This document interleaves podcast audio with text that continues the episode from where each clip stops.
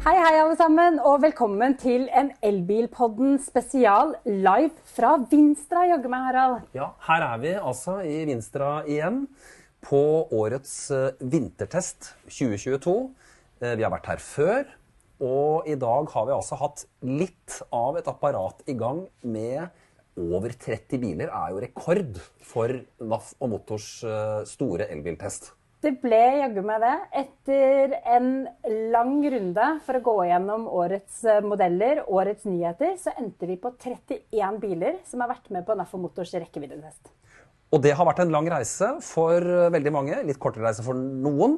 Eh, Men alle har nå kommet ja, i mål, som betyr å stanse for de aller fleste og kjøre tom. Eh, Og, og det er vi veldig glad for, at alle- nå er snart i hus, og at eh, bergerne våre tar hånd om eh, de siste bilene nå. Det har noen, stått noen biler strødd utover fjellet oppå Venabygdsfjellet og rundt Folldal. Så hvis du har vært ute og kjørt i de områdene nå de siste timene, så har du nok sett veldig mange elbiler som har stått langs veien. Men Peter, i, Peter Aum, redaktør i Motor, du har jo da live-rapportert forbruk, batteriprosent, rekkevidde siden bilen kjørte fra Vulkan i dag morges klokken ni. Eh, det er det tydeligvis interesse for. Ja, vi har aldri hatt mer besøk på nettsida vår noen gang. Eh, så vi har hatt en oppimot 200 000 sidevisninger på motor.no til nå i dag. Og mer blir det jo, for det er masse rundt denne testen av spennende ting som vi ikke har fokusert på ennå. I morgen skal vi ha ladetest, hvor vi kommer til å publisere resultatene direkte. Så vi gleder oss. Men litt overordnet, eh, Peter. Elbilen har vært i Norge i flere år. Allikevel er vi veldig veldig interessert i hva en elbil yter i rekkevidde og lading. og sånt. Ingen bryr seg om hvor stor dieseltanken er, og hvor langt dieselbilen går. Men akkurat dette med dette her, det fenger. Hvorfor det? Det er et litt godt spørsmål, fordi det, er ikke sånn at uh, god, god rekkevidde betyr god bil. Eller at du må tenke på rekkevidde for, i, i bilvalget ditt. Du må tenke på hva du uh, skal bruke denne bilen til. Og er det sånn at du kjører hele tiden, det er det du driver med, så er det klart at rekkevidde er en fordel, for da trenger du ikke å lade så ofte. Men for de aller, aller fleste så er eh, rekkevidde på rundt eh, 40 mil mer enn godt nok. Og det denne her testen fokuserer på, er jo ikke nødvendigvis hvilke biler som bare går lengst. For det er jo ikke nødvendigvis en prestasjon i seg selv. Men her måles jo bilene opp mot eh, det som heter en WLTP-rekkevidde. Som er den rekkevidden som brukes i markedsføringen for, eh, for elbilene, om hvor langt du kan kjøre. Ja. Det, er det er veldig vanskelig å gi et godt svar på hvor langt en elbil går.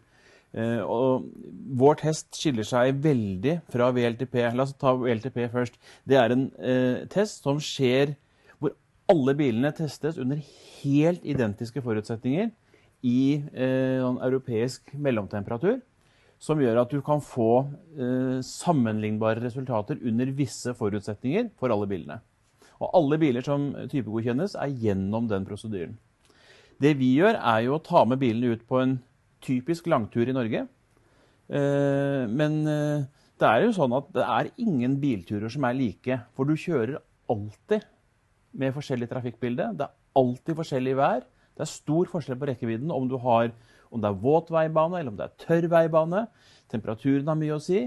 Er du litt hard på gassen feil sted, så vil du bruke mer, mer strøm. Så det er helt umulig å gi et svar med to. Med to streker under. Det vi gir, er en indikasjon. På, er det noen merker, er det noen modeller, som stort sett leverer bedre enn konkurrentene? Og testen i dag eh, er det litt blanda svar på det. Ja, rett og slett. si. Ja, det er litt blanda svar. Det er liksom ikke Vi ser ikke nå én tydelig tendens, som vi jo egentlig kanskje har sett litt før. Nei. Vi har hatt bedre resultater i vintertester tidligere. Men igjen, dette vil skifte med, med årstid og, og, og dagstemperatur. Men, men vi ser Og vi ser heller ikke at ett merke har mye bedre resultater enn alle andre. Det er gode og dårlige resultater hos nesten alle merker. For tidligere så kunne man jo si at eh, disse bilmerkene er liksom de, de kan dette her, og så er det en god del andre elbiler som yter for oss mye dårligere. Men nå begynner det å, begynner det å jevne seg litt ut, dette med, med hva de presterer på rekkevidde. Ja, det begynner, ja for det, det vi, har, det vi, vi har jo målt hvor langt de har gått i testen, selvfølgelig. Men vi har også da beregnet hva er avviket mellom VLTP og den noteringen vi har fått i dag. Men så er det jo sånn at de bilene som har gått lengst i dag, de har fått en, en nedoverbakke på slutten som har gitt dem en litt kunstig lang rekkevidde. For når du kjører ned fra Venabygdsfjellet og ned til Ringebu, så regenererer du det masse. Og det er biler som har gått et par mil lenger i dag pga. det. Eh, Men, men sånn er det jo. Skal du på hytta, så møter du en bakke. Og, og, og det, den bakken kan gå opp, og den kan gå ned. Vi, nødt, vi har valgt en rute som, som er som den er. Eh, Den har i hvert fall det ved seg at den har noen stigninger og den har noen nedoverbakker.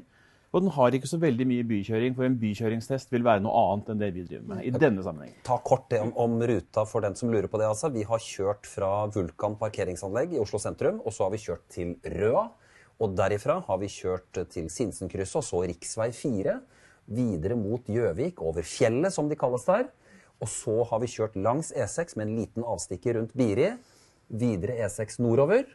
Og de som da fortsatt henger med, opp til Dombås og videre, og så over Venabygdsfjellet. Og da er man litt på returen igjen. Og så er det noen da som har kommet ned Venabygdsfjellet og til Ringebu og har fortsatt på E6-en nordover igjen. Så dette her er jo en, hva skal man si, en god norsk hyttesløyfe. Ja, og så vi da, da vi, da vi hadde samme ruta med sommertesten, så var det jo mange mange flere som kom ned igjen fra Venabygdsfjellet, og som da regenererte litt og fikk noen ekstra mil. Før vi går litt mer inn på resultatene, så tenker jeg jo at det er greit at vi snakker litt om hvordan forholdene har vært i dag. Fordi at når vi vet hvor mye som påvirker rekkevidden og forbruket, så er det jo greit å snakke litt om hvordan type vær vi har kjørt i. For det har jo vært en, eh, det har jo vært en mild vinterdag. eh, Og egentlig ganske ganske fine forhold for en vintertest, i den forstand at det har vært tørre veier. Mm. Det i seg selv gjør jo at forbruket blir litt penere enn hvis vi hadde hatt snø og slaps. Men vi har jo hatt kuldegrader. Eh, Og, og mer og mer kuldegrader mot slutten av testen. Ja, for det ble vel alt mellom Så har jeg sett eh, null grader rundt i Oslo, null minus én, og opp til minus ti oppå fjellet. Eller nedi minus 10. Ja, Eller nedi minus ti. Så det, er, det har blitt ordentlig kaldt på slutten. Og det er klart at de, de bilene som hadde fordel av regenerering, de har jo kjørt mer i kulda enn en del av de andre. Så, sånn, så, men man får ikke like forhold. Altså, VLTP er heller ikke eh, et, et, en måling som gir et svar med to streker under for norske forhold. De, de, de kjører bl.a. mye fortere enn det er lov i Norge på deler av strekningen. Det er mer bykjøring. Men dette er denne testen. Norsk langtur eh, har vi testet biler med på i dag. Da er det på tide å snakke litt om resultatene. Nå er vi jo spent. Ja, Vi må i hvert fall ta oss og gå litt gjennom topp tre på et par av alternativene her. Og da er det jo, siden vi sier at dette er ikke en rekkeviddetest, det å kjøre langt i seg selv er ikke en prestasjon. Nei. Så hva er, hvilke, er bilene, hvilke av bilene er det som har hatt minst eh, avvik sammenlignet med da WLTP-rekkevidden? Vi har fire biler som har sånn 11% avvik. Ehm, Det er Byd Tang, Kineseren, altså? kineseren. Ja. Det er eh, Porsche Taycan Cross Turismo. Det er eh, Tesla modell Y. Og det er Kia EV6 med firehjulstrekk. Nettopp. Det er Og der, der er det firehjulstrekk, et altså. poeng med en gang, fordi vi hadde jo en Kia, Kia EV6 med tohjulstrekk òg. Tohjulsdrift. Den hadde ikke noen gode resultater eh, i- med tanke på avviket. Så det er veldig store utslag på samme eh, merke, og også på samme modell, faktisk. Vi har nå tatt flere andre biler fra, som har vært identiske. Og der var det ikke en rød tråd. Nei, det var ingen rød tråd. Men, det er, de, men, men utslagene er litt utenfor hva du kan si at eh, du kan forklare med en dårlig sjåfør eller en god sjåfør. Eller, altså, er litt det er litt større utslag enn det. Og så er det jo da blant de tre bilene som i dag har kjørt lengst. Det er jo også de tre bilene som på papiret skulle kjøre lengst. Eh, Det var jo da Tesla Model 3, eh, BMW iX X-Drive 50, eh, og så hadde vi Mercedes-Benz EQS. Eh, Hvilken av de tre var det da som faktisk kjørte lengst? Men hvilken av de er det da som også hadde minst avvik fra WTP? Har du det Minst- tallet foran deg? Ja, jeg måtte må jeg huske det har blitt mye tall i dag. Minst avvik hadde den av de bilene som gikk kortest. Og det var BMW iX Extra 50. Eh, Det er verdt å nevne der at vi hadde med eh, den lillebroren eh, Extra 40 også. Den hadde ikke noe imponerende resultater. Men, men eh, Extra 50 kom i hvert fall da hadde under 15% avvik. Eh, omtrent samme avvik hadde eh, Mercedes-Benz EQS. Og så hadde Teslaen Nei, unnskyld, nå snakker jeg feil. Mercedesen hadde 20, minus 20% avvik, og så Teslaen hadde omtrent det samme som BMW-en. Så BMW-en og Teslaen hadde omtrent samme avvik, mens EQS-en hadde 20 så å si. Nå er det veldig lett å bli tabloid i en sånn eh, setting hvor liksom graver oss ordentlig ned i tall. og sammenligner. Men noen gikk lenger enn andre. Og hvem var det som kom lengst i dag, for å stille det enkle spørsmålet? Vi har det høyeste tallet på Teslaen. Eh, modell 3 long range. Eh, men det er også sånn at hvor mye påvirker der eh, en dekkdimensjon som er høyere enn den leveres med på standard? Eh, og hvor presist er, er, er tripptelleren? Vi har hatt målinger tidligere som viser at de tripptellerne ikke er helt å stole på. Og de de i hvert fall er forskjellige fra bil til bil. Men eh, Så den, den kom lengst i dag. Vi har det høyeste tallet på den tripptelleren. Men, men eh, jeg syns jo de Ja, de gikk ganske, ganske likt, de to. Og det som jo er verdt å nevne også, hvis man ser på de tre i seg selv, så er det jo interessant da at den bilen som faktisk da er billigst av de tre, er da den som kjørte lengst i den testen vi har gjort i dag. Ja. Men det mest spennende tror jeg, med de tre, er at du ser en tendens til at Tesla lager stadig mer eh, energieffektive biler. Både Mercedes og BMW er på vei mot noe helt, en helt ny generasjon eh, elbiler. På hvilken måte, Petter? Nei, altså, vi har dårligere resultater på EQA-en og EQB-en til Mercedes, eksempel, som har som, som vi skulle hadde, hadde venta skulle ha litt mindre avvik. Og det er liksom, du ser på Teslas, på Mercedes sine nye modeller, de som kommer, der, de neste prosjektene deres, så skryter de av et forbruk som ligger ned mot 10 kWt på, på, på, på 100 km. Og da snakker du liksom et kvantesprang. Og vi ser tegn til at de begynner å lage biler som, som ikke bruker så mye energi som før. Akkurat ligger nærmest mer utvikling i hvordan energien brukes, enn at batteriet nødvendigvis skal være kjempesvært. Ja, det er fall mye å hente på det. Jeg er ikke ekspert. Jeg har, kan ha andre i studio senere her som kan mer om det. Men, men det, er en, det er jo en tendens altså, du, du må ha mer energieffektive batterier. Ellers så vil jo bilene til slutt veie ti tonn om du skal kunne kjøre hele dagen. For det, de, de, er ikke, de er for store. Nå blir jo batteriene mindre, og det skjer uendelig mye med batteriutviklingen. Sånn at der er det mm, Hvordan dette bildet ser ut om ti år, det, det er vanskelig å si. Da tenker jeg at vi skal la Peter gå tilbake til liveoppdateringen av motor.no. Det er bare å klikke seg inn og lese de siste tallene. Jeg tipper at det er sikkert noen forbrukstall og sånt som skal eh, legges inn før kvelden er omme. Der er alle tallene, og vi har lagt inn tallene som for hver 50 km. Men alle tallene vi har fått Det kommer ikke flere tall i dag, men de listen er komplett nå. Kjempebra. Her er det all mulighet til å nerde skikkelig i tall, i hvert fall. Og vi skal nerde videre neste dag. Veldig bra. Takk til deg, Peter. Takk, da Peter. skal vi ta oss og ønske neste gjest velkommen. Og det er jo en av sjåførene av bilene vi nå har snakket om. Ja, det blir spennende. En som faktisk da har kjørt, for Peter har ikke rukket å kjøre, og ikke du heller. Nei, eh, og det må jeg si at eh, jeg savner det litt. For første gang jeg var med i elbiltesten, så var det faktisk litt gøy å oppleve å kjøre en elbil tom. Og føle seg litt trygg på hvordan det oppleves. For det føler jeg faktisk har gjort meg til en bedre sjåfør sånn i senere tid. Ja, jeg har også vært med å teste, og jeg var med på sist vinterfest, og da hadde jeg den bilen som gikk lengst, og det var Porsche Taycan, og jeg var helt alene, mens dere andre hadde det hyggelig et annet sted, på, på, på Dombås da i snøføyka med Porsche Taycan. Øyvind Moen Iversen, journalist i Motor, velkommen i studio. Takk. Hvordan har dagen din vært? Først, vi må jo nesten bare gå inn på hvilken bil er det du har kjørt. Ja, Jeg har kjørt BMW iX50. det er en sværing. Ja. Og svaret på spørsmålet ditt jeg stod, tenkte litt på det. Vi har jo noen tidligere sendinger med elbilpodden, så har vi snakket om at eh, ja, vi skal, når vi skal ut og lade, sånn, vi skal alltid ta en tissepause, eller vi skal kjøpe litt kaffe, eller vi skal uh, hvile uansett og strekke litt på beina. Men nei, vi skal ikke det. Når vi kjører en sånn BMW som der, skal vi ikke tisse, vi skal ikke spise, vi skal bare kjøre. Den er helt fantastisk å kjøre, det må vi bare konkludere med. Så det er en bra, det er, en, det er god komfort, og du liker hvordan den er, er løst, og, og hvordan bilen funker. Ja, jeg har jo fra første dag eh, hatt et sånt litt eh, Eller et stort hjerte til den bilen. Den er jo spektakulær og progressiv, og det er en nyskapning som du får sånn der elsk-hat-forhold til. Men eh, jeg liker jo det at du aldri er helt likegyldig til en bil. Du alltid får du nye vinkler, og du opplever den på nytt i forskjellige settinger og farger og fra forskjellige vinkler. Så ja, jeg liker den veldig bra. Og så må vi si at bakluka er så svær at når du åpner bakluka, så er det baklys i ramma rundt. Så når baklysene da forsvinner opp takluka, så er det nye baklys bak luka. Veldig bra.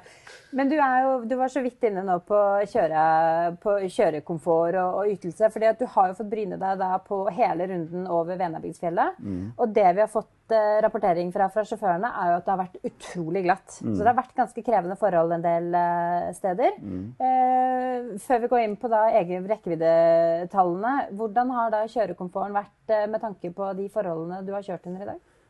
Nei, altså Man blir litt, man blir litt bortskjemt, kanskje litt, på litt sånn risikofylt vis. Men jeg ser jo at jeg hadde fått lyst til å kjøre forbi han som kjørte i Teslaen foran meg, og jeg så at han som kjørte i Mercedesen bak meg, forsvant. Det kan hende at jeg hadde en litt høyere gjennomsnittshastighet enn det, men det var jo bare fordi jeg følte meg utrolig sikker og komfortabel, og bilen oppførte seg akkurat sånn som den skulle. Fikk aldri noe Jeg prøvde å provosere litt og bråbremse litt og sjekke om det var glatt. Og ja, det var glatt, men da responderte alle systemer sånn som de skulle. Så det var ja, veldig trygt og, sikkert å kjøre, altså. Men dette er jo også en ganske dyr bil, må vi si da. Det er ikke noe, det er ikke noe billig set of wheels, dette her? Nei, det er ikke det. Og jeg innrømmer fort at jeg sånn, kan bli litt sånn blasert fordi jeg kjører eh, en del dyre biler, og det skal litt til for å imponere meg. Men så, noen ganger så får du virkelig inntrykk av at, du, at du, du, får det du betaler for. da. Og det syns jeg, uten at jeg skal hause opp den bilen for mye. Jeg har ikke testet den mer enn jeg har gjort i dag, egentlig. Og pluss en prøvekjøring i, i Tyskland på fint sommerføre. så jeg har ikke nok eh, grunnlag for å konkludere, men jeg syns at det er en bil som på en måte løfter eh, målestokken et par hakk i den klassen der. Men du kjørte jo da også BMW iX3, da vi hadde med den eh, på vintertesten i fjor, og da også i sommer. Hvordan vil du sammenligne da iX-en med iX3-en? Liksom på, på, prestasjoner sånn rekkeviddemessig så var jo den iX3-en i fjor eksepsjonelt bra. Så vi var jo spent på om iX i år skulle følge opp det, og det klarte han vel bare sånn delvis. Jeg, jeg litt, fikk jo litt flatterende resultater i og med at jeg fikk, kom akkurat over den der knekken ned til Ringebu. Så, eh, og på null, når jeg havnet i skilpaddemodus på vei oppover på Venabygdsfjellet der, så lå den jo på 460 km. Så endte jeg på 503. Jeg fikk jo litt bonus på slutten, men det er som Peter var inne på, sånn, sånn er det jo. Selv om, ikke, selv om det er sånn rekkeviddefaglig var høyrisiko, det jeg drev med oppå der, så er det jo sånn at du, du, du gir litt og får litt, uh, avhengig av topografien. Da. Hva skjedde da du begynte å gå tom for strøm? Var det noen uh, Oppførte bilen seg noe annerledes enn uh, en andre biler du har kjørt tom for strøm? Nei, den oppførte seg sånn som de mest siviliserte bilene jeg har kjørt tom for strøm, egentlig. At den bare går litt saktere. Du får noen diskré varsler om at nå må du bare lade, og skal du komme deg videre, så lønner det seg å lade. og ser at kilometer, eh, kilometerne forsvinner sakte, men sikkert. Men så bare mister den effekt, og alt går veldig rolig og harmonisk for seg, egentlig, i den grad det harmonisk å gå tom for strøm. Og dette er jo spørsmålet som kanskje veldig mange lurer på, ikke bare på BMW, men på, på alle, alle bilene hva er det egentlig som, som, skjer når jeg begynner å gå så tom for strøm at det nærmer seg per slutten? Det er ikke noen sånne overraskelser og, skumle ting på, på, elbiler i dag? Nei, det er ikke det. Du bare mister effekt, og, og du mister litt eh, Eller jeg mistet veldig mye klima, eller varme i klimaanlegget, så jeg hadde bare en sånn liten glugge å se gjennom til slutt. Men eh, det er helt, helt, udramatisk, og du får så mange varsler at du skal enten være fullstendig lost på en eller annen vidde, eller du skal være litt idiot for å gå tom for strøm. Så denne, denne myten om at man plutselig går tom og så bråstopper bilen, er, den kan vi slå i hjel en ja, gang for alle? det stemmer ikke. Og jeg hadde jo, i likhet med de fleste andre biler, så har du en buffer etter at du har gått i null. Og jeg, ja, nå fikk jeg som sagt litt ekstra hjelp av topografien, men jeg hadde nok kjørt ganske mange mil etter jeg hadde gått i null uansett. Så du har en sikkerhetssone der. Mm. Du har jo sittet og lyttet litt til resultatene i løpet av dagen. Jeg vet du ikke har hatt tid til å dypdykke ned i, i, hva de faktiske tallene har vært. Men er det noen av bilene som du har lagt merke til som har overrasket deg, enten i en positiv eller negativ forstand? Jeg nevnte jo Peter Kia. Som var, da var det veldig spennende resultater med to, en bakhjulsdreven og en firehjulsdreven bil som kom nærmest identisk. Og VLT-tallene, der skiller jo fem mil eller et eller annet sånt. Det var interessant. Og så var det jo gøy med Byd Tang, syns jeg, som har jo et, eh, et i utgangspunktet ganske dårlig VLTP-tall, men et, i praksis et veldig bra rekkeviddetall her hos oss i dag. Så jeg tenker at Hvis de er litt mindre jålete og litt, eh, tar litt mindre hjul på bilene sine, og sånn, så kommer de plutselig enda, enda lenger og gjør det enda bedre. Og så slo det meg også at uh, at det var veldig ujevne resultater i, fra disse bilene i Volkswagen-konsernet. Alt fra Cupra Born, som gjorde det veldig bra, til Skoda Enyaq bakhjulsdrift, som gjorde det veldig dårlig. Og der eh, spekter fra drøye 10 avvik til over 30 avvik i det spekteret, så fant du liksom alle disse bilene fra Volkswagen-konsernet. Og vi vet at Volkswagen de har lagt fryktelig mye jobb, altså hele Volkswagen-konsernet da med alle deres merker, i å være tidlig ute og ha en, en stor modellrekke av elbiler. Eh, og så er det ikke alle ting som uh, kanskje er så fagert allikevel. De er ikke eksperten nødvendigvis på elbiler. Nei, det, det viser det at eh, Så det, det blir veldig interessant å dykke litt ned i disse resultatene etter hvert og se hva det skyldes. For bilene er jo per definisjon nærmest identiske. Så det er tydelig at det er en del sånne ulikheter i batteripakker, og jeg vet ikke hva det, hva det skyldes egentlig. Du sier du kjører mange biler, og det gjør du jo som motorjournalist. Kineserne har vi hatt med i dag. Flere. Og eh, hvordan klarer kineserne seg i Norge så langt, syns du, Øyvind? Nei, Nå har jeg egentlig bare forholdt meg til Byd Tang og registrert det, men jeg tror vel Ni også gjorde det ganske bra. Så de Jeg syns jo at de Altså, de har De hadde jo en del odds mot seg sånn i utgangspunktet. Det var nye merker, og de skulle slå gjennom på et eh, krevende marked og være pionerer på mange områder. Men jeg syns at de har lansert seg selv veldig bra og vært gode og dyktige og gitt eh, resultater fra, fra dag én. Og det viser jo egentlig i dag også. Er det trygt å kjøpe kinesisk bil i Norge? Det er trygt å kjøpe det, men eh, om du, så er jo spørsmålet er jo hva du får igjen når du skal selge den. da. Ja, nettopp. Det er det som er problemet, tenker jeg, eller utfordringen. Da tror jeg vi faktisk skal ta og gå over til en av de eh, kinesiske bilene. Vi skal snakke med Jan Tore Gjørby, som har kjørt eh, Nio ES8. Tusen takk til eh, deg, Øyvind. Jeg tror han trenger en velfortjent pause etter å ha hatt en veldig lang dag bak eh, rattet. Det, Ja, det er en lang kjøretur. Ja, det vi skal si det at det er en krevende test våre testsjåfører er med på. De har blitt preparert, og de har lest seg opp, og de har fått uh, gjennomgang av hele bilens uh, navigasjonssystem og alt mulig, så, de, så vi er sikre på at vi gjør dette så likt som det går an. Men det er klart, dette er, det er en lang tur, altså. Det en er lang det. Og underveis mens de kjører, så må de jo da rapportere inn forbrukstall, batteriprosent, eh, hvor mange kilometer de har igjen, sånn at vi hele tiden har noe å oppdatere og informere dere som følger med på testen. eh, Og det har du sittet og gjort i dag, Jan Tore. Ja, det har jeg gjort. Og du har jo da kjørt eh, Nio ES8. Det er jo en, et nytt merke på det norske markedet, og en bil som skiller seg ut ved at uh, den kan hurtiglades, eller den kan lynlades. Men her snakker vi også batteribytteteknologi. Ja, det er, og Vi hadde jo en, en podkast fra deres fancy eh, showroom på Karl Johans gate, eh, hvor de snakket om dette med å, å leie batteri og bytte. Så vet jeg Tesla hadde dette som et prøveprosjekt for mange år siden. Jeg har vært på den nedlagte batteribyttestasjonen til Tesla i, i California. Eh, men eh, å bytte batteri, Jan Tore, du er jo vår ekspert på, på dette med strøm og batteri. og alt mulig sånt nå.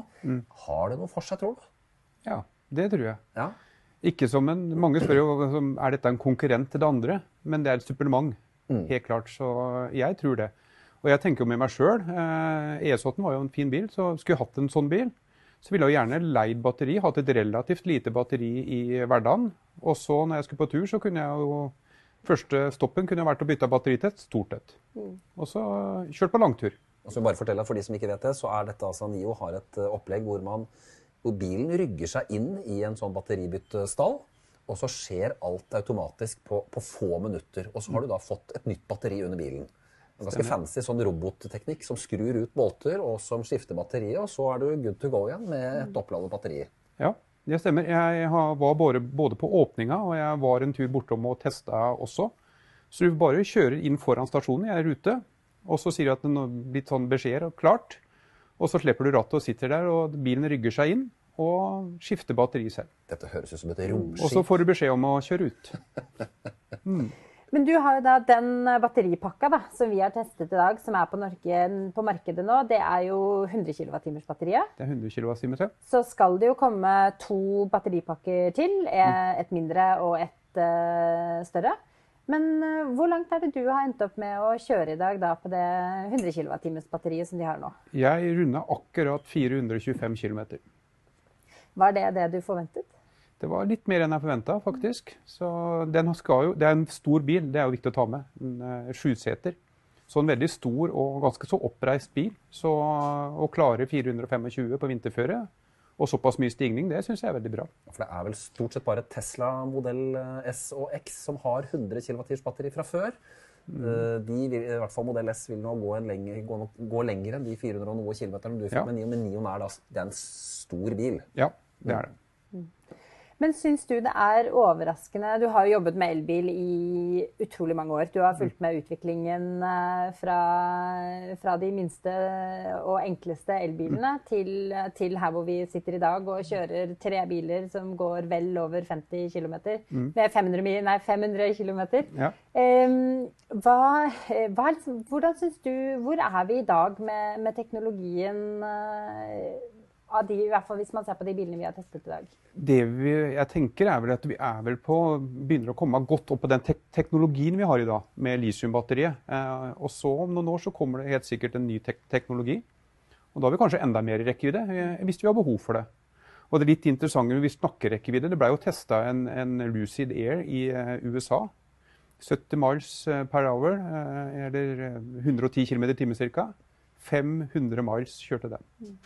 Så rekkevidde er jo altså, rekkevidde er mer enn nok nå, egentlig. Det er ikke noe argument mot elbilen noe mer. Og når sånn som på Luciden, eller ikke på Luciden, men på Nio kan skifte batteri på fem minutter i tillegg, så Men for de som nå kanskje sitter og, og lurer på hvorfor er det elbilene går kortere om vinteren? Eh, hvorfor gjør de det? Hvorfor blir eh, det, den batteriteknologien vi har i dag såpass påvirket av, eh, av kulde og også mer krevende kjøreforhold? ja, det er vel to ting her. Det ene er jo det at vi er jo vant til fra øh, forbrenningsmotoren at den utvikler så mye varme, så vi trenger ikke noe bruke noe ekstra energi på å varme opp. Vi har overskuddsvarme. Det må vi jo legge til når vi kjører på vinteren. Så må vi jo bruke noe av batteriet til å varme opp bilen. Og sånn som i dag, så starta vi jo med kalde batterier. Og det er jo i utgangspunktet ikke så bra, for da trenger vi å bruke litt tid på å varme opp batteriet. Og batteriet yter jo også best når det er på en 30-40 grader. Så da kan vi få mest ut av batteriet. Men her har vi i hvert fall da fått testet en, hva skal man si, en slags elbil kaldstart. Ja, det får vi til. Og vi har eh, kjørt langt, så batteriet hadde nok grei temperatur når vi kom oppover her. Så Og som en folketest så er jo dette riktig. Ja. Ja, for grunnen til at vi gjør det, er jo rett og slett fordi at det er jo ikke alle som har tilgang til lading hjemme. Nei. Eh, Så da har vi litt sånn Dette er worst case hvis ikke du har tilgang til, eh, til lading hjemme. Men forvarming av batteriet, det mener du Hvor stor fordel ville man hatt av eh, forvarming av batteriet, da? det, altså når vi kjørte såpass langt som vi gjorde nå i ett strekk, så er det, vil det kanskje blitt et par mil. Par, tre, fire. Det er litt vanskelig å si. Og det har veldig mye med batteriteknologien å gjøre. Eh, har vi avanserte batterier, mer avanserte batterier, tyngre de er, til mer avansert kjøling og varming de har, til mer fordel vil de ha. Enkle batteriløsninger eh, har mindre fordel av varmstart, for å si det sånn. Men jeg passer jo alltid på, jeg er heldig, bor i enebolig, passer alltid på om, eh, vinteren å varme opp bilen og batteriet før jeg starter. Nå er det jo flere av modellene vi hadde med i testen i år, som har fått varmepumpe siden vi testet de sist. I hvilken stor grad eh, har det noe effekt i de temperaturene vi har kjørt i i dag? Jeg tror, Sånn som det har vært nå med temperaturen her, så er det bra. Når vi kjører såpass lenge også, så er det fordelaktig. Og så må jo Jan Tore kort fortelle, for alle snakker om varmepumpe, men, men hva er egentlig en varmepumpe på en elbil? Varmepumpe på en elbil, ja. Eh, Den ene måten å varme på er jo rett og slett å ha god gammeldags varmeelement. Da kjører du strøm gjennom noe metall, og så blir det varmt. Og den energien du putter inn, er den du får ut til varme, stort sett. Men det varmepumpa gjør, er jo å kjøre ei pumpe, og den pumpa henter energien fra utsida av bilen. Altså det fins fortsatt varme i kulde, eh, i kald luft. Så du pumper den akkurat som du gjør på kjøleskapet, men bare motsatt vei. Nettopp. Ja. Så du Og da effekten man får, er at temperaturen på batteriet øker fortere enn det den ville gjort hvis man bare hadde kjørt og brukt batteriet. ikke sant? Ja, ja. Uh, og, og dermed blir batteriet mer optimalisert, og du tapper mindre av det. Og så er det bra for batteriet. Bra for batteriet, og også bra for inneklimaet i bilen. Du, det er jo det samme varmesystemet her, sånn, så alt dette henger jo sammen. Og kanskje har du litt overskuddsvarme på motoren, som du, det mest avanserte, og så døtter inn i dette systemet. Så, Og så er det jo sånn at en elbil er jo fryktelig energieffektiv i forhold til en bensin- og dieselbil. For her er det veldig veldig lite som går til spille av energi. Ja. Og det er årsaken til at man da har et Det blir faktisk så lite energi igjen at man da må ha en, en, et varmeanlegg for å varme batteriet for å få det så optimalt som mulig. det, det er det. Eh, sånn sammenligning, da. Eh, den bilen jeg kjørte da med 100 kWt, som er et stort batteri, det tilsvarer 10 liter bensin eller diesel. Sånn rundt regna. Ja. I morgen så skal du jo i ilden igjen, men da er det ladetest. Eh, nå kan det jo hende at vi egentlig må konkludere med at Nio lader raskest, fordi man kan bytte, bytte batteriet på fem minutter. Fulladet på fem minutter. Ja. Fulladet på fem minutter. Men eh, med tanke på at det er såpass få ladestasjoner, så, nei, eller byttestasjoner, så må vi jo faktisk ut og lade batteriet. Vi vil jo bli kjent med ladekurven til Nio også, for å finne litt ut av eh, hvordan den lader. Og det vi jo har sett i tidligere ladetester, det er jo at vi, vi på sommeren klarer å oppnå den effekten og tiden som produsenten oppgir eh, for eh, lynlading og hurtiglading. Men vi sliter jo med å nå den effekten og tiden på vinteren. Det går mye tregere å lade batteriene på vinteren. Ja. Hvorfor er det slik? Jeg snakka jo om 30-40 grader eh, optimalt. og Det samme gjelder jo ladinga. Eh, og det er veldig sjelden at disse 500 kg med batterier, og kanskje mer, kommer opp i den temperaturen. Eh, så de ligger på eh, kanskje 15 grader eller noe sånt når vi har kjørt langt. Det Da er det fortsatt langt igjen til 30. Mm. Og det er jo sånn når du kommer til rundt null, så vil jo ikke batteriet ta imot strøm i hele tatt. Ja, jeg må innrømme at vi har her i teamet som har rigget dette studio, kjørt en Skoda Enyaq. Mm. og kjørte helt til Øyer, og da har vi kjørt et stykke, ca. 20 mil. Eh, og vi klarte ikke å få mer enn 50 kW altså på, på, på laderen. Eh, og jeg var litt skuffa, for jeg hadde så plassert meg på en dyr Ionity-lader i tillegg. Det er jo passidiot. Uten ladeavtale? uten ladeavtale. Og da stå på en veldig kostbar lader med veldig veldig høy effekt og bare få 50 kW, det er jo bortkasta penger. Det Men er det. her er det jo også da kombinasjonen av at du også hadde halvfullt, halvfullt batteri. For dette her er jo, det er jo dette her som gjør lading litt komplisert. For skal du få den tiden som produsenten oppgir, eh, så må du jo En ting er at du skal ha varmt batteri, men du skal jo aller helst også ha altså, tommere batteri, altså mellom 10 og 20% for å få en høy nok ladeeffekt. Dette her er jo komplisert å skulle fortelle folk.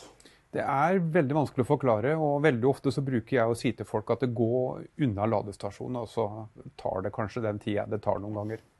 Finn, finn på noe annet nå. Ja. Gå en tur, eh, gjør noe annet. Og når man har fått seg elbil, lær. Prøv å lære. Og, og, og tren på å løse alle disse rare kodene med lading. Ja. Det er, dessverre så er vi der enda at uh, vi er liksom ikke én enkel løsning på det. Uh, alle vil ha sitt eget system. Alle vil eie kundene, vil eie oss. Istedenfor at vi gjør det litt mer demokratisk og enkelt. Ja, for det er, det er fortsatt plundrete. Og Ja. man kan stå med en bil til over en million kroner i dag og, og, og fomle med bikker og apper og alt mulig sånt. nå. Absolutt. Ja. Så eh, plug and charge er noe jeg ser fram mot. Men det har vi snakket om før. Så. Nå er det jo faktisk flere av bilene nå i år som har plug and charge. Ja. Eh, Og det er jo faktisk litt ålreit. For da har det liksom, vi hadde jo Jan Haugen Ile her fra, fra Ionity i Fjor? fjor. Mm. Eh, og snakket da om plug and charge som kom til å komme på flere modeller. Nå er det endelig her. Og plug and charge altså, det er altså at man eh, kobler, gjør, som, gjør som Tesla, da, for å si det sånn. Man kobler til laderen, og så skjer transaksjonen inni bilen. Man slipper å, å styre med alskens apper og sånne ting. Ja. Før vi slipper deg tilbake til uh, å slappe av litt og roe ned etter en lang dag, så lurer jeg jo rett og slett på eh, Forutsatt at det kommer nok batteribyttestasjoner rundt omkring i landet, kommer batteribyttestasjoner til å ta av? Eller, hav, eller er hurtiglading eh, veien å gå fremover? Jeg tror, som jeg sa helt innledningsvis, dette er en sånn kombinasjon. For noen så vil det være riktig. Eh, hurt, altså batteribytte bare for batteribytte sin del, det tror jeg ikke er det. Men du må se det i sammenheng med f.eks. ha en batterileieavtale hvor du ikke eier batteriet. Og litt sånn sjonglering der sånn. Og så hadde det jo vært veldig fint hvis vi kunne fått en standard, da, så det hadde vært flere bilmerker. Men jeg tror ikke vi skal avskrive batteribytte. Eh, Det er jo mange som har kommentert at dette har vi jo prøvd før, med Better Place. Dette er jo sånn elbilhistorie. Det gikk jo konk ganske så kjapt. Men jeg tror Nio og flere andre som har, eh, har snakka om dette, det fins et marked for det også. Når vi bare får nok kunder. Det er jo det som er saken. Og den som lurer på om eh, Jan Tore Jøby er en nerd, så kan vi si at han har kjørt 4300 km på ferie i en BMW I3. Ja, Det var den korte turen til Nord-Norge. Ikke sant? Det kan dere høre, det kan dere høre om på en tidligere episode av Elbilpodden, forresten. Så du har kost deg i dag, du. Ja, ja, ja. ja. Så, og det kan jeg jo si om Nion. Det har jo vært en veldig god bil å kjøre. Han skal ha med det. Det må jeg si. Imponerte meg på turen. Så bra. Eh, tusen takk for at du stilte opp i studio og forteller litt om, eh, om batteriet. Jo, takk for at jeg fikk snakke. Da skal vi gå over til å snakke om dekk, Ja, rett og slett. dekk. Og det er eh, Dekk er jo liksom noe man eh, må gjennom. Vi, vi må ha dekk som er gode, og så er det en, det er en forbaska kostnad. Så må du, er dekkene utslitt, og så er det en runde på eh, mange tusen kroner for å, for å skifte dekk. Så er det ofte sånn at man kjøper dekkene som eh, noen anbefaler, eller som er på tilbud. Og så tenker man ikke noe særlig på liksom, eh, dekkets egenskaper. Men her er vi jo da så heldige å ha eh, ressursene med oss som kan dette med dekk. Og dekk er jo ikke bare dekk. Helt riktig. Nei. Vi har jo da, En av testsjåførene i år har jo da vært eh, Torleif Hauknes, som er produktsjef i Dekkemann. Og da må vi jo snakke litt om dekk. Ja. Men eh, aller først så må vi jo snakke litt om bilen du har kjørt i dag, og hvordan det gikk. Jo, det gikk eh, vel sånn mer eller mindre som forventa. Eh, jeg kjørt en eh, Polestar 2 eh, med firehjulstrekk eh, og en long range-utgave. Eh, jeg har jo kjørt elbil selv i åtte år nesten nå, så jeg har jo Jeg vet jo litt om hva man kan forvente, kanskje. Så jeg endte opp med 340 km og var jo så uheldig på en måte at jeg gikk jo tom i en motbakke. Så jeg fikk jo ikke noe ekstra eller noe gratis på noe som helst måte. Du merket at kraften forsvant ganske fort, altså. Ja. Ja. Eh, så jeg stoppa 300 meter fra, fra laderne på Dombås. Så Ja. Men det som er litt gøy, som er fordi at eh, Polestar 2 er jo en bil vi egentlig har testet før. Eh, vi hadde den med i vintertesten for første gang i fjor. Mm. men siden da har den fått varmepumpe. Så da tenkte vi, vet du hva, da er vi nødt til å teste denne modellen på nytt. For vi er nødt til å se, klarer det å gi noe utslag. Den sagnomsuste Den varmepumpa. sagnomsuste varmepumpen. Og så er det jo selvfølgelig utrolig vanskelig å skulle sammenligne eh, fjorårets test med årets test. Eh, Forholdene er annerledes, men vi tenkte vi prøver. Det som er komisk, da, det er jo at du har stoppet på akkurat samme plass. Nesten på en prikk. Akkurat. Som eh, Polestar 2-en stoppet i fjor vinter. Uten varmepumpe. Uten varmepumpe. Ja, Nå skal det sies at uh, av en eller annen grunn så ville ikke bilen ladet 100% Den stoppa på 99, og vi fikk den ikke å Men den viste det samme antatte kjørelengden som den uh, Polestaren som fikk 100, da. Så jeg tror utgangspunktet var rimelig likt allikevel. Ja, men da kan vi si at liksom, den skulle hatt noen kilometer til. Du skulle kanskje kommet deg opp på flata. Kanskje. Ja, og det, sånn er det. Polestar, høyt profilert eh, bilmerke. eh, Også en eh, sånn showroom-bil. Hva, hva syns du? Jo, jeg, jeg likte bilen. Jeg syns den var veldig god å kjøre. Bra føremiljø. Og så likte jeg godt eh, menyvalg og designet. Eh, det var veldig sånn intuitivt og ikke altfor vi si, innviklet og, vanskelig. Og Her er det vel Android som ligger i bunnen av, eh, av navigasjonssystemet. Så her er det jo en ekspert på brukergrensesnitt som har fått lov til å boltre seg med en bil. Ja, Ja. Så du syns dette fungerte bra? ja altså? absolutt. Det syns jeg. Plass. Du er jo vant til å kjøre elbil. og Hvordan er komforten og plassen? Nei, plassen er vel eh, grei nok, for å si det sånn. Det er ingen svær familiebil, dette her. Nei, ingen stor familiebil. Det er det ikke, men det er jo en bil som er stor nok for de aller fleste, vil jeg tro. Og så har vi jo da eh, Så må vi jo da snakke litt om dekkene. Ja. Fordi at eh, når man snakker om dekk til elbil, så har vi sett eh, reklamer for dekk med bedre, altså lavere rullemotstand, eh, dekk med, som er støydempende. Det er utrolig mye å velge mellom innenfor elbildekk, som kanskje skiller seg litt fra dekk til mm. bensin- og dieselbiler. Hva, er det noe annerledes med dekk til elbiler?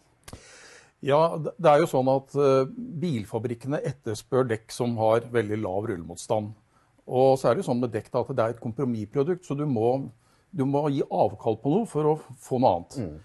Og hvis du da skal ha et dekk som ruller veldig lett, så er det veldig lett for at det går utover bl.a. våtgrepet. Og så tenker man det at jo, jo, men våtgrepet er kanskje ikke så veldig viktig når du kjører i byen. Eh, kjører i lave hastigheter, om det regner litt, så du sklir ikke så langt. Eh, det er verre hvis du er ute på motorveien.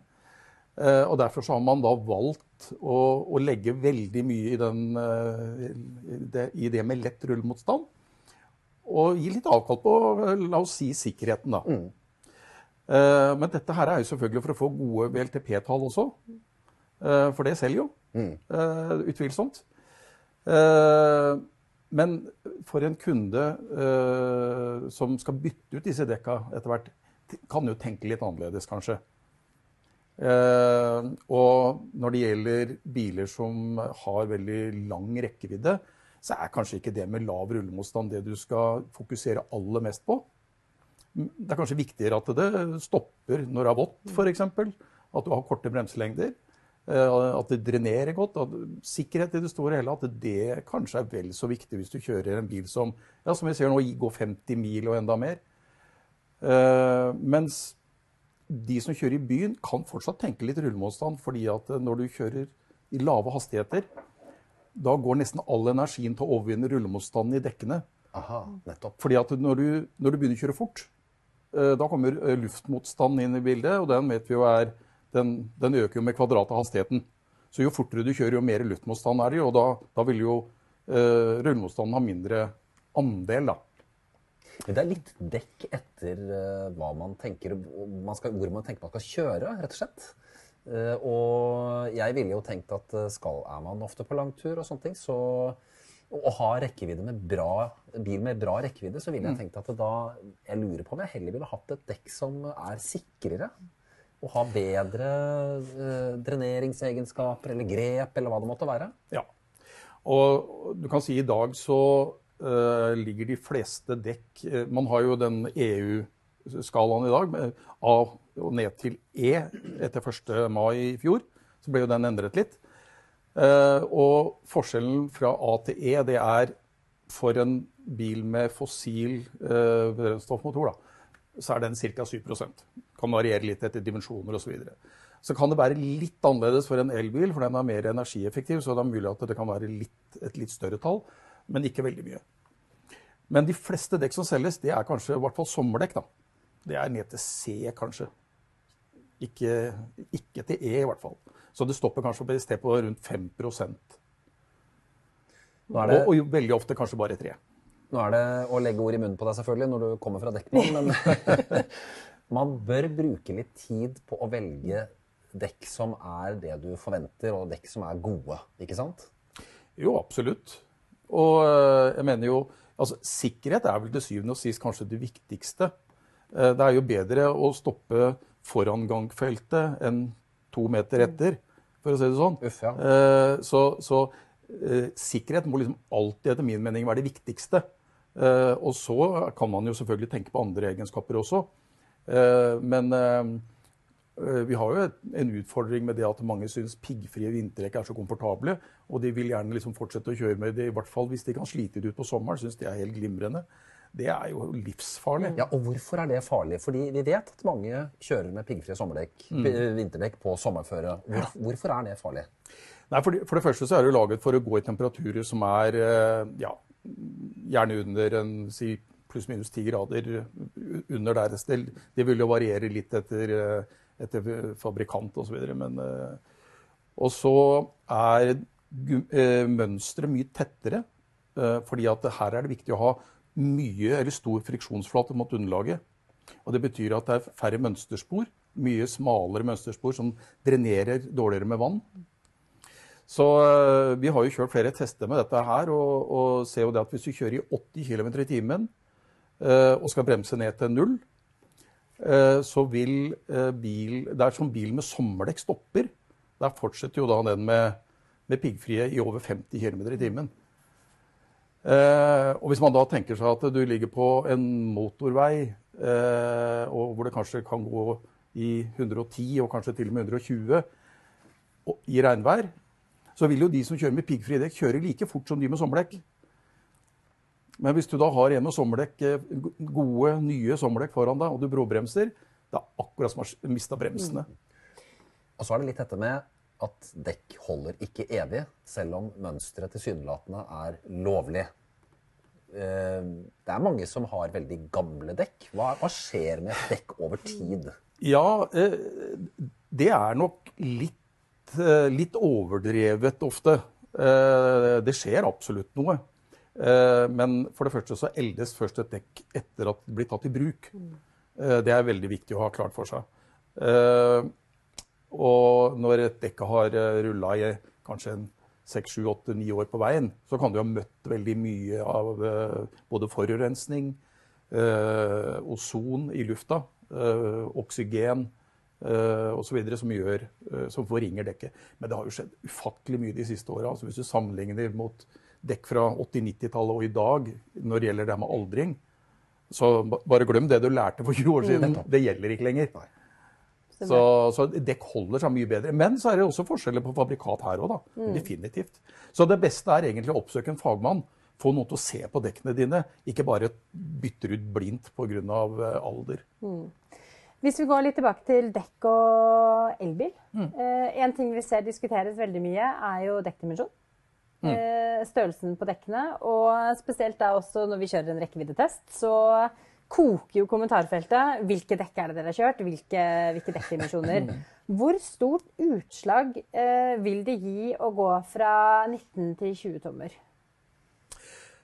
Hvis jeg har lest tallene i dag riktig, så var det ca. 5% Det var eh, uten, å, uten å skulle skryte, men det var jo faktisk det jeg sa før vi dro fra Vulkan. Ja, jeg tipper at det blir rundt 5% og det er faktisk det med, med Det er 5,0. Ja, for det vi jo kan, eh, som kanskje ikke alle har fått med seg. For vi har jo kjørt en litt sånn ekstra sidetest i dag. fordi at vi har utstyrt Jonic 5 med firehjulstrekk. Den har vi utstyrt én bil med 19-tommer og én bil med 20-tommer. Men som du Vi har ikke presentert eh, dekkene vi har kjørt med veldig grundig. Det kommer på motor.no og naft.no i tiden fremover. Men eh, anslaget ditt før var 5% økning. Ja, men så, men så må vi jo si da at eh, jeg har ikke fått sjekka om dekka er helt like når det gjelder rulleomkrets. For det vil jo ha betydning for hvor mange kilometer man får på speedometeret. Så der kan det være noe avvik. Men det vi, det vi vet sånn erfaringsmessig, da, det er det at når du går opp 10 millimeter, eller én dimensjon på bredden, da, så øker også luftmotstanden. Så tommelfingerregelen er det at én opp på bredden, det er 1% bare på luftmotstanden. Og så kommer det jo også ting på i forhold til eh, dimensjon og osv. Eh, men eh, vi har erfaring fra det at de som har gått fra på fossilbiler da, går fra 15 tonn til 17 tonn, med helt lik rulleomkrets, så blir det ca. 5% der. Men når dekka blir større, så, så blir det litt verre.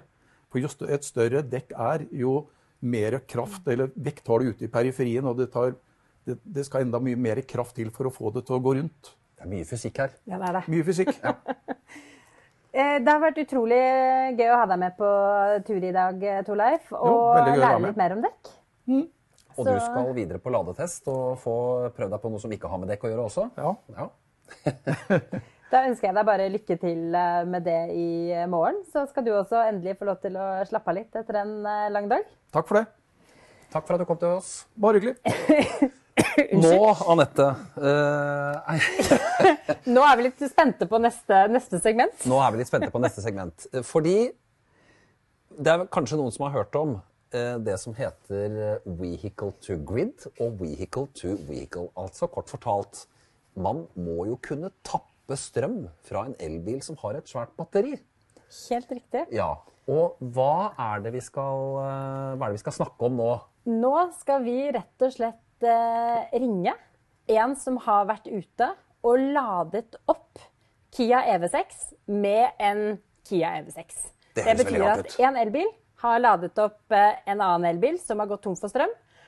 Og dette her er jo utrolig Tenk, den, køen som var nede på Sørlandet Ja. for uh, en måneds tid tilbake, eller noen uker tilbake. Absolutt. Tenk deg de bil- elbilene som gikk tomme for strøm der, om de bare hadde hatt uh, Christian Lagård, som vi skal ringe opp nå, om de hadde hatt han bak seg, så kunne de bare fått strøm av han mens de sto over. Fantastisk. Kan du prøve å ringe Christian? Jeg skal og så, gjøre eh, Årsaken til at han ikke er i studio, er jo rett og slett fordi han er med på rekkeviddetesten. Bilen hans har gått et stykke, og de, har, eh, de forsøker å lage, lade disse to Kiaene. Eh, og så tar vi ikke sjansen på å ta han inn på Teams eller FaceTime, eller sånt noe, fordi han er Vi kjører langt av gårde, og det er dårlig dekning der oppe. Eh, Så da må vi ringe han på telefon, og så får vi ta det på gettometoden her. Han står på Folldal nå. De har fått uh... Vi ser om vi får tak i Kristian her nå. Hei, Kristian. Hører du oss?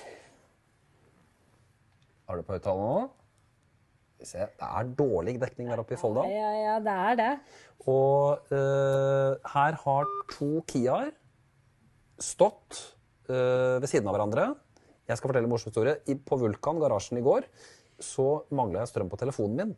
Og da fantes det i den Kiaen en overgang fra batteriet, type 2-kabel, og til 230 volt. Så jeg koblet til en mobillader. Nå har vi Christian på har vi. Christian på telefonen. Hvor i verden ringer du fra, Christian? Nå er vi på ladestasjonen i Folldal, og her tror jeg det har vært eh, Jeg tror det har gjort, eh, at de har gjort gode penger på den ladestasjonen i dag, for her er det fortsatt noen biler igjen som står og venter. Men eh, vi har- det i hvert fall klart oss godt. Og eh, Rolf Hugo han står nå og tar stein, saks og papir om hvem som skal være nestemann i køen der borte. Veldig bra. For Christian Lagård, for eh, de som sitter og ser på, du er jo da pressesjef i Kia, og har jo da rett og slett eh, kjørt etter Rolf Hugo, som har kjørt rekkeviddetest med Kian, og ventet på at han kjøre, skulle kjøre tom for strøm, sånn at du kunne lade gi han strøm, så han kom seg til nærmeste ladestasjon. Det er riktig. Og det er jo vi eh, har jo da rett og slett brukt eh, vehicle to load-systemet som eh, følger bilene våre, altså V2L. Og Det betyr rett og slett at du tar en eh, omformer, en dings som vi skal kalle det, og så plugger du den i eh, bilen.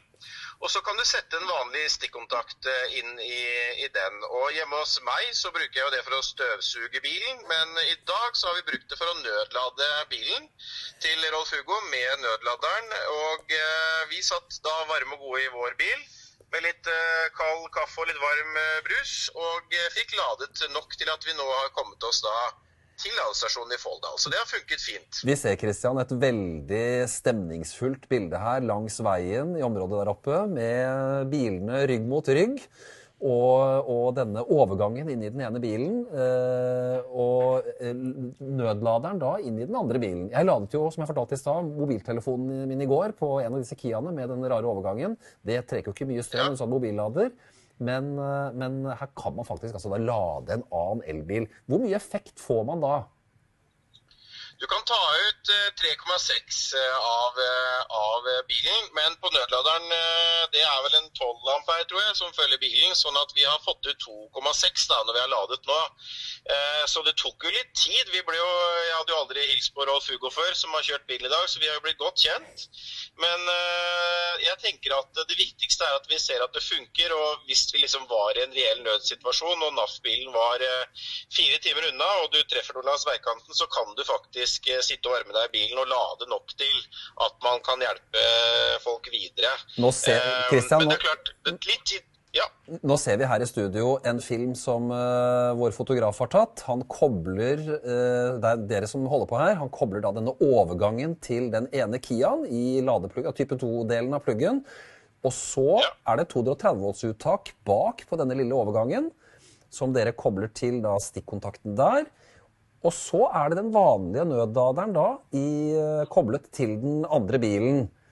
Og der, ja, kobler han den da i eh, type 2-utgangen, på, eller inngangen, på bilen. Det, dette her er veldig merkelig. altså. En elbil som lader en annen elbil, det er ja. Det må jo nærmest være en drømmesituasjon, Christian. Ja, Det hadde vært, kanskje vært enda mer artig hvis vi fikk lov til å lade opp en av de andre merkene. For den er jo ikke merkesensitiv, den laderen vår, så vi hjelper alle, vi som har gått tom langs veien. Men nå var det en Kia til Kia i dag, da, så det funket veldig bra. Så kan man jo tenke at dette liksom er en litt sånn morsom gimmick som man kan ta med seg på, på campingtur for å å si, gjøre det man skal og lage mat, eller støvsuge nede i parkeringshuset, sånn som jeg gjør. Men, men, det er jo faktisk noe som kan funke hvis man er ille ute og står langt oppe på fjellet og er tom for, for, strøm. Så gjør det jo faktisk det. Så det er gøy å, det er gøy å se at det er første gang jeg prøver det, så vi syns det var gøy. Rolf Hugo ser ut til å være ganske fornøyd. Han smiler iallfall nå ute på plassen der. Det er veldig bra. Og dere har jo da, fordi at Rolf Hugo stoppet vel, hvis jeg så riktig, ca. 25 km unna ladestasjonen på Folldal. Um, ja. Hvor lang tid endte dere med å stå og lade før han kom seg tilbake til Folldal? Jeg tror eh, ja Nå tok vi vel ikke tiden helt, men jeg tror vi sto i ca. noe over to timer. tror jeg vi sto i hvert fall. Og det, det, er nok litt fordi at eh, du vet, når du har kjørt en elbil helt helt tom for strøm, så det jo, tar det ganske lang tid å få liksom, de første prosentene. Eh, men vi satt og kalkulerte litt frem og tilbake på det som nok er en buffer i, i bilen. Og så gutsa vi, så vi kjørte tilbake på da vi hadde ladet opp til 3 og det holdt til, til mål. Det holdt til Folldal. Dette her høres veldig morsomt ut, og veldig gøy Christian, at dere kunne teste dette her for oss uh, uh, på denne elbiltesten, vintertesten 2022. Um, så ser vi jo veldig mange muligheter her. Du støvsuger, men du altså, lader på 3600 watt ut av dette her optimalt sett. Det er jo det er mye, det. Er... Ja, det tenker jeg. Altså, jeg tenker litt sånn, I et holdt å si, kall et bærekraftsperspektiv da, så er det jo, eh, altså I Norge så er vi jo bortskjemt med at vi har veldig stabil og fin strøm. Men i mange land så har man jo ikke det. Hvis man reiser rundt i Asia f.eks., så er det jo super eh, strømnett. Eh, og Da vil du jo faktisk kunne drive en aircondition eller sørge for at du får lagd mat i familien, eller at unger får gjort uh, leksene sine uh, i de landene hvor man har mye sånn power blackouts, da, som det heter på engelsk, tror jeg. Så jeg tenker at det er en kul oppfinnelse. og et etter hvert så vil man jo kunne gi strøm fra bilen og inn i huset også på en annen måte. og Det er jo noe som eh, både Kia og andre ser på for framtiden. ikke sant? I større skala enn det vi gjør nå, da. Dette blir nærmest et energiøkosystem, altså?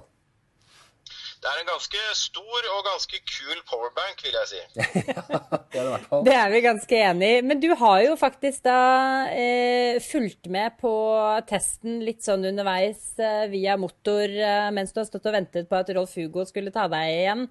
Hva, hva syns du om hvordan eh, både da Kia EV6 med firehjulstrekken og tohjulstrekken har gjort det i dag? Nei, Jeg tenker at uh, vi er ganske happy med det resultatet. Vi er gått over 40 mil på, på begge to. Og så tenker jeg at uh, i det store og det hele jeg synes det er gøy at NAF uh, drar i gang en så stor test. og det vi ser at Det er jo ganske mange biler i testen som går langt, selv om det er vinterforhold. Og Det det betyr, er jo at elbilen kan bli bil nummer én for, for, flere familier, også ute i distriktene hvor det er litt lange strekker og hvor det er litt mer vinter. Ikke bare nede i da, hvor, hvor, i hvert fall jeg bor. Eh, så det tenker jeg kanskje er det viktigste som testen har eh, vist oss. Men jeg syns selvfølgelig det er kult at, at, vi også gjør det bra i testen. Eh, men i det store og hele så er det gøy å se at det er såpass mange eh, biler som passer for mange familier, som, som, nå kan brukes som bil nummer én. Da. Det må jeg få lov til å si. Veldig bra at du var med oss her live i studio på telefon. Her er studioet vårt her på P. Gynt hotell og spiseri på Vinstra. Da skal vi la dere få lov til å lade videre, Christian. Så ønsker vi dere en eh, god tur ned til hotellet når den tid kommer. Takk for det, og spar gjerne litt mat til oss, for vi begynner å bli litt sultne. vi lover at det skal være litt gryte igjen til dere. Veldig bra. Dette har vært en uh, flott oppsummering, Anette, av uh, den største testen vi noensinne har gjort. Ja, vi har tatt tempen på årets resultater. Det har vi. Eh, vi har snakket om dekk og hvilken betydning det har for eh, rekkevidden din. Absolutt. Snakket om uh, toveislading. Og vi har også fått litt innblikk i hvorfor vi i det hele tatt får kortere rekkevidde om vinteren. Vi er glad for at dere fulgte med på denne spesialversjonen av Elbilpodden. Og dette legger vi jo selvfølgelig ut som en vanlig episode i, uh, i Elbilpoddens uh, podkastsystem. Dere kan uh, abonnere på Elbilpodden i alle kjente podkastapper. Og vi er på Spotify, og vi er på YouTube. Og på naf.no så finner du alle episodene, og på Facebook, med både bilde og lyd. Ehm, og så skal vi prøve å komme tilbake til en ny episode om ikke så lenge. Vi har et sånn 14-dagersintervall for dere som er nye for, til Elbilpodden. NAF Elbil er på Facebook. Vi er det, og det er bare å følge med der fremover for masse flere resultater fra elbiltesten. Og på NAF.no og Motor.no så, så finner du også masse resultater, og det kommer mer resultater fremover. Uh, nå skal vi takke for oss. Jeg tror vi skal det. Det skal vi. Teknisk ansvarlig for denne sendingen, Peter Jacobsen. Og vi ses og høres igjen forhåpentligvis om 14 dager. I mellomtiden, kos dere med resultatene fra elbiltesten vinter 2022. Verdens største elbiltest. Og husk å abonnere på Elbilpodden. Takk for oss. Takk for følget. Ha det.